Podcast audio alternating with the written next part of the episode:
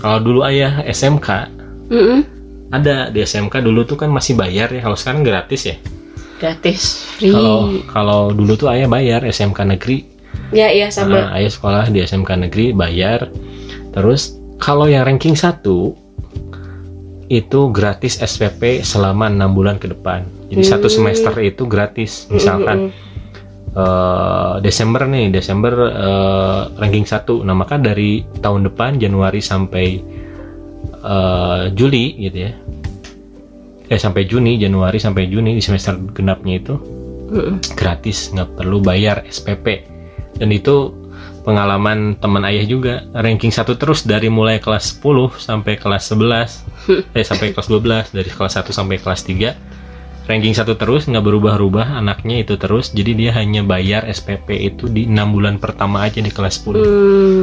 itu kan reward ya prestasi gitu yang bisa dicapai. Makanya rata-rata kalau dulu itu eh, berlomba-lomba untuk eh, mendapatkan ranking satu gitu. Jadi istilah istilah kasarnya itu yang pintar makin pintar yang males makin males gitu Hmm. jadi ada gap di sana sebetulnya kalau yang saya gitu ya, waktu sekolah dulu. Jadi yang pintar tuh biasanya, wah ini anak-anak pintar, wah ini anak-anak yang kurang, yang malas lah bukan kurang pintar. Jadi malas aja gitu. Ah, ah jadi kayak gitu. stratanya ya Nah, jadi ada level tertentu bahkan di mata guru pun seperti itu. Ketika ada kelompok ini, wah ini mah akhirnya eh, belum apa-apa udah eh, Judgment, thinking, judgment iya. gitu. Wah ini anak ini. Tapi kalau ada yang anak kalangan atas gitu yang suka ranking di tiga besar, lima besar biasanya eh perlakuannya berbeda gitu. nah itu kan berarti kalau dulu waktu ayah zaman sekolah bahwa ranking itu kan bisa menjadi status eh, sosial ataupun status apa kebanggaan gitu. Mm-mm. Makanya orang tua pun akan merasakan yang sama ketika ada anaknya ranking tuh bangga banget gitu kan. Karena sebuah prestasi pada saat itu ya. gitu. bener banget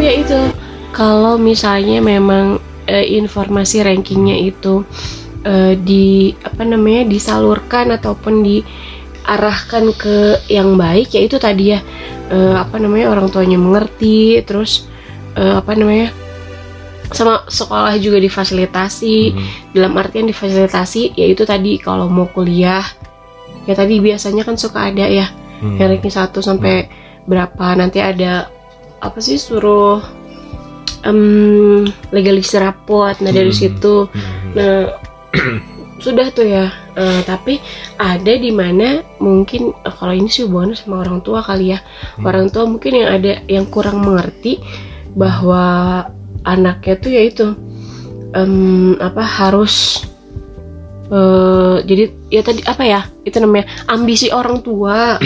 Ambisi orang tua eh, ingin anaknya oh, kalau ranking tuh begini oh ini harus begini gitu ya. Jadi kalau ranking itu ya tadi kata ayah membanggakan tapi dengan caranya mungkin yang eh, apa itu teh kurang tepat. yang ya. kurang tepat Mhm. eh, justru jadi anaknya yang jadi korban gitu Jadi tertekan, jadi beban gitu ya. betul Mhm. Bahkan dulu waktu sebelum pandemi pernah lihat nggak ada yang viral orang tua siswa SD eh, marahin anaknya sendiri gitu ya. Karena dia hanya cuman ranking 3 gitu. Mhm. Pernah nggak dulu dulu rame di media sosial tuh. Jadi ada ibu-ibu marahin anaknya. lupa Ranking satu siapa? Ini ranking 2 siapa? Ini ranking 3 siapa? Ini sampai ranking 5 atau 6 gitu ya disebutin anak-anak teman-temannya siapa aja. Terus kenapa kamu cuma ranking 3 gitu. Jadi dimarahin cuma ranking 3 aja dimarahin gitu. Nah, itu udah luar biasa. Oh, nilainya 100 terus tapi cuma ranking 3 aja nah, gitu. Sampai dimarahin sampai viral akhirnya kan rame itu di media sosial itu bahkan masuk berita juga sampai akhirnya orang tuanya itu minta maaf ke pihak sekolah dan pihak eh, pendidikan gitu seperti itu. Kadang ranking itu eh, relatif gitu di mata siapa pun gitu ya, Mhm. baik itu di mata perguruan tinggi sebagai penggunanya mungkin atau eh, guru sebagai yang melakukan pemetaan mungkin wali kelas dan sebagainya sekolah ataupun bahkan orang tua sendiri kadang beda gitu ranking 3 aja udah alhamdulillah mungkin bagi orang tertentu gitu ya. Tapi bagi yang lain harus ranking satu. Masa ranking 3 gitu? Atau bahkan ada yang ah mau ranking berapapun bebas gitu. Ada orang tua yang seperti itu kan beda-beda. Setiap orang itu punya pandangan yang berbeda. Karena ranking atau peringkat itu kan eh, sebuah pencapaian gitu. Capaian. nah dan pencapaian itu kan tidak semua orang menginginkan pencapaian yang sama gitu Betul, relatif gitu ya. Hmm. Kalau kayak cantik, ganteng, sifat gitu itu kan relatif bener-bener eh, nggak nggak bisa diukur. Nah kalau ranking itu walaupun pencapaiannya relatif tapi bisa diukur. Hmm, Diukurnya iya. oleh apa ya? Oleh nilai. Mm-mm. Nah masalahnya bukan rankingnya sebetulnya, nilainya itu angka. Jadi ranking itu ada karena ada akumulasi dari sebuah angka kan, ada jumlah. Akhirnya di diurutkan jumlah Hmm. terbesar sampai jumlah terendah, akhirnya jumlah terbesar jadi ranking satu kan. Mm. Nah sedangkan nilai sendiri didapatkan dari pengetahuan atau dari soal-soal ujian yang isinya adalah benar dan salah gitu.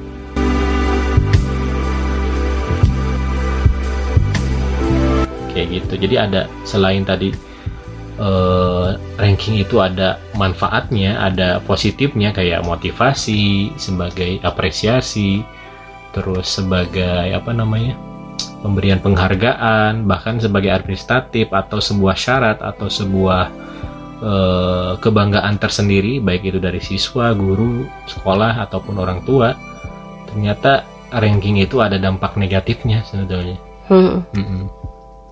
Nah, salah satunya tadi eh, karena ranking itu relatif gitu maksudnya ada orang yang ingin ranking, ada yang enggak gitu kan. Ada yang pencapaian ranking satu udah cukup, ya ranking 3 udah cukup tapi ada yang merasa ah, harus ranking satu gitu.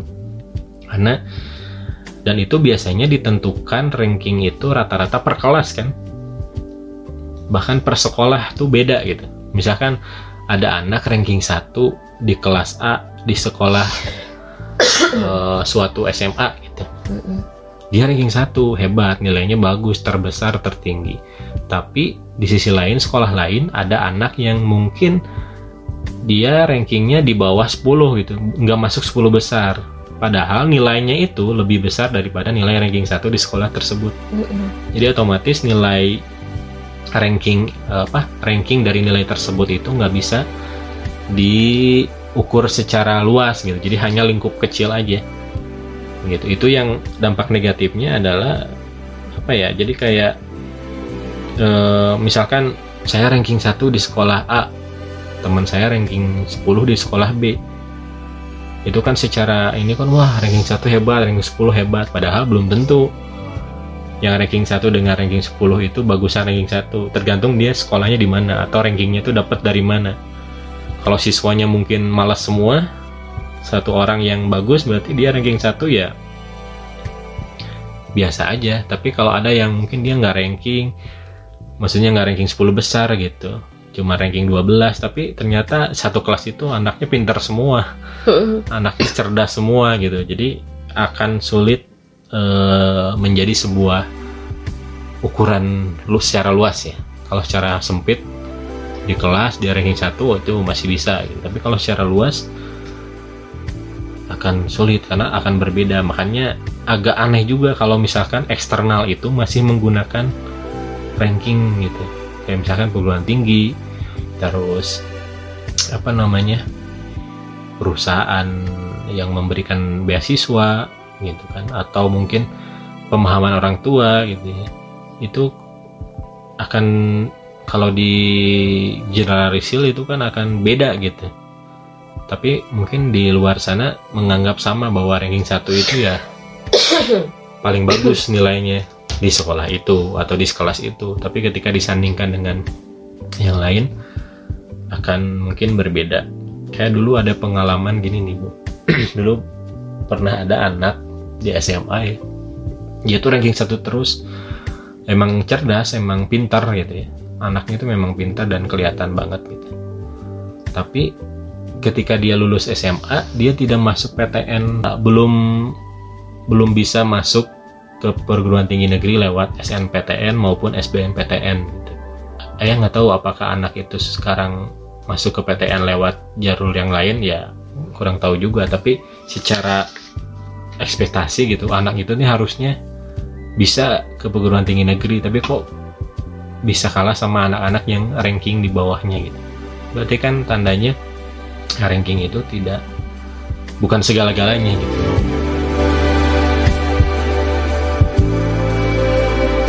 Iya. Tapi masuknya jalur apa dulu?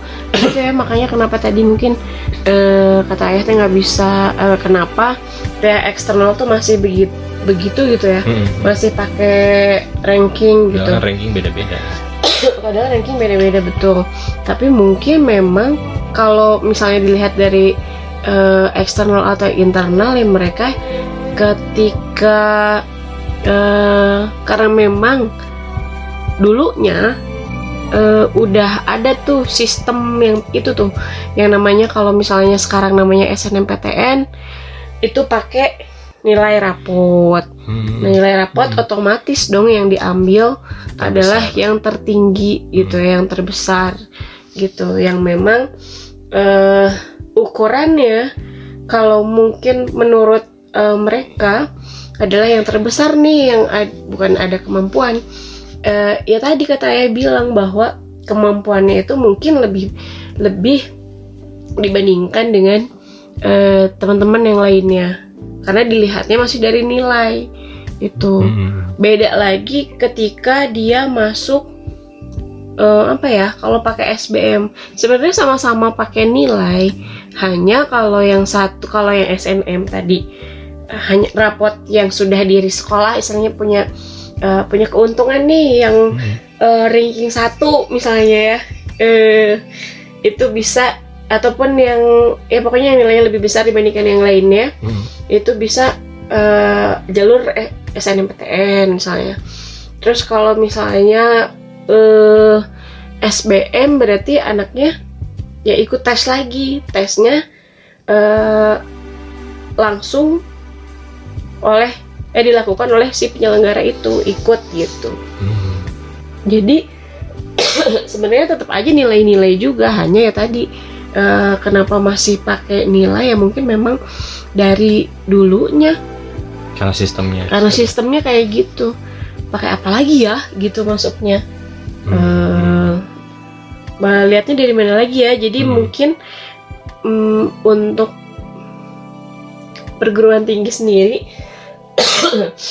dengan jalur apa pun itu SNMPTN, SBMPTN belum mengarah ke situ tuh oh ya belum Hmm. mengarah nanti sistemnya kalau misalnya mereka pakai yang eh, apa tadi em, rapor yang berbeda rapor yang berbeda eh, belum ya belum karena kan ini kan baru masih masih transisi kan ya Hmm. itu pun yang dengan nilai sudah berkembang berkembang sesuai harapan itu kan dilihatnya juga dengan eh, masing-masing eh, itu dilihat dari karakter eh, anaknya dari apa sudah udah berkembang atau belum nih itu pun dilihat dari ada range-nya range yang misalnya Hmm. angka 0 sampai 10 atau 0 sampai 25 itu masuknya mana sih gitu. Hmm. Berarti sama aja sebenarnya mungkin hanya di translate-nya atau di apa namanya? teknisnya yang berbeda Iya, Hmm. di kata-katanya yang dirubah ya Hmm. dengan lebih apa ya? lebih merdeka sebenarnya. Hmm. Jadi eh, di lebih diartikan atau lebih diberikan makna dengan kata-kata yang lebih memerdekakan dan membuat nyaman sebenarnya ya Hmm. eh, buat siswanya gitu. Oh sudah berkembang nih. Oh berkembang sesuai harapan berarti segitu. Daripada aduh aku 75 sedangkan yang lain 75 KKM misalnya. Hmm. Terus yang lainnya 82, 90 gitu. Itu jelas terlihat bahwa 75 pasti angkanya lebih kecil berarti lebih jelek dong gitu kelihatannya. Kalau berke, sudah berkembang dan atau berkembang sesuai harapan atau berkembang sangat baik.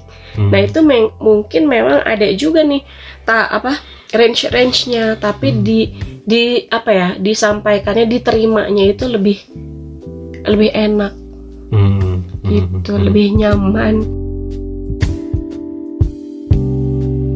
kalau nilai tadi mungkin ada eh, batasannya nilai tertinggi akan menjadi ranking satu tapi kalau misalnya berkembang sesuai harapan eh, itu ada beberapa anak atau beberapa siswa yang mungkin berkembang sesuai harapan. Oke wah eh, dalam fase ini dalam fase E mungkin di kelas 10 em, usia berapa ya? 15 dengan apa sesuai dengan perkembangannya pada umur sekian dia bisa berkembang sesuai harapan. Atau justru yang memang eh, dia belajar lebih cepat eh, bisa apa memperoleh informasi lebih cepat itu bisa dikategorikan sebagai berkembang apa sangat berkembang atau berkembang dengan baik gitu. Hmm, hmm, jadi rentang kalau misalkan anak ini nilainya sekian berarti mereka ada di berkembang atau Mm-mm. apa gitu berarti kan tetap indikator nilai itu masih digunakan karena eh, memang memang ya namanya juga penilaian ya berarti kan harus ada nilai kan gitu ya cuman Mm-mm. mungkin masalah penyampaian masalah teknis atau eh, narasi yang dibangun dari rapor itu supaya tidak terlihat angka terus atau tidak terlihat tidak terlihat kompetitif gitu Iya, ya. betul. Hmm. Kayak mungkin ya eh, kayak mahal sama murah. Hmm. Em, apa? Dikatakan mahal itu besarannya berapa, Hmm. dikatakan murah itu besarannya pun berapa. Hmm. Tapi ketika kita em, melabeli sesuatu hal itu mahal, berarti nilainya akan lebih besar dibandingkan yang murah kan? Hmm. Sama aja dengan si sangat berkembang atau berkembang Hmm. dengan baik itu nilainya akan lebih baik, bukan lebih baik, lebih besar dibandingkan dengan yang berkembang sesuai harapan atau yang belum berkembang. Tetapi itu tidak menjadikan eh, apa penilaian itu sendiri. Di diterima oleh siswa ataupun orang tua itu menjadi eh, suatu hal yang memalukan. Hmm. atau terkadang terkadang kan nilai yang kecil itu membuat orang membuat anak membuat orang tua itu aduh anak aku atau aduh aku dapat 75 atau 50 gitu. Jadi cap yang kurang baik kalau misalnya dikatakan nih belum berkembang Hmm. dengan baik oh berarti eh, akan berkembang kok dong nantinya Hmm. gitu Hmm. dan itu pencapaiannya harus bagaimana gitu Hmm. mungkin lebih lebih apa ya ya tadi lebih lebih lebih sopan di mata kalau anak-anak jaksel lebih sopan, lebih enak diterima bahasanya, lebih memerdekakan sebenarnya. Hmm. Merdeka belajar itu ketika siswa itu mampu mau menyerap pelajaran dan juga bisa mengaplikasikannya. Dan Hmm. kita pun sebagai guru misalnya memberikan atau mentransfer ilmu atau memberikan informasi ya sesuai dengan karakteristik siswanya. kita istirahat dulu tadi udah batuk-batuk kita minum dulu jangan ke mana-mana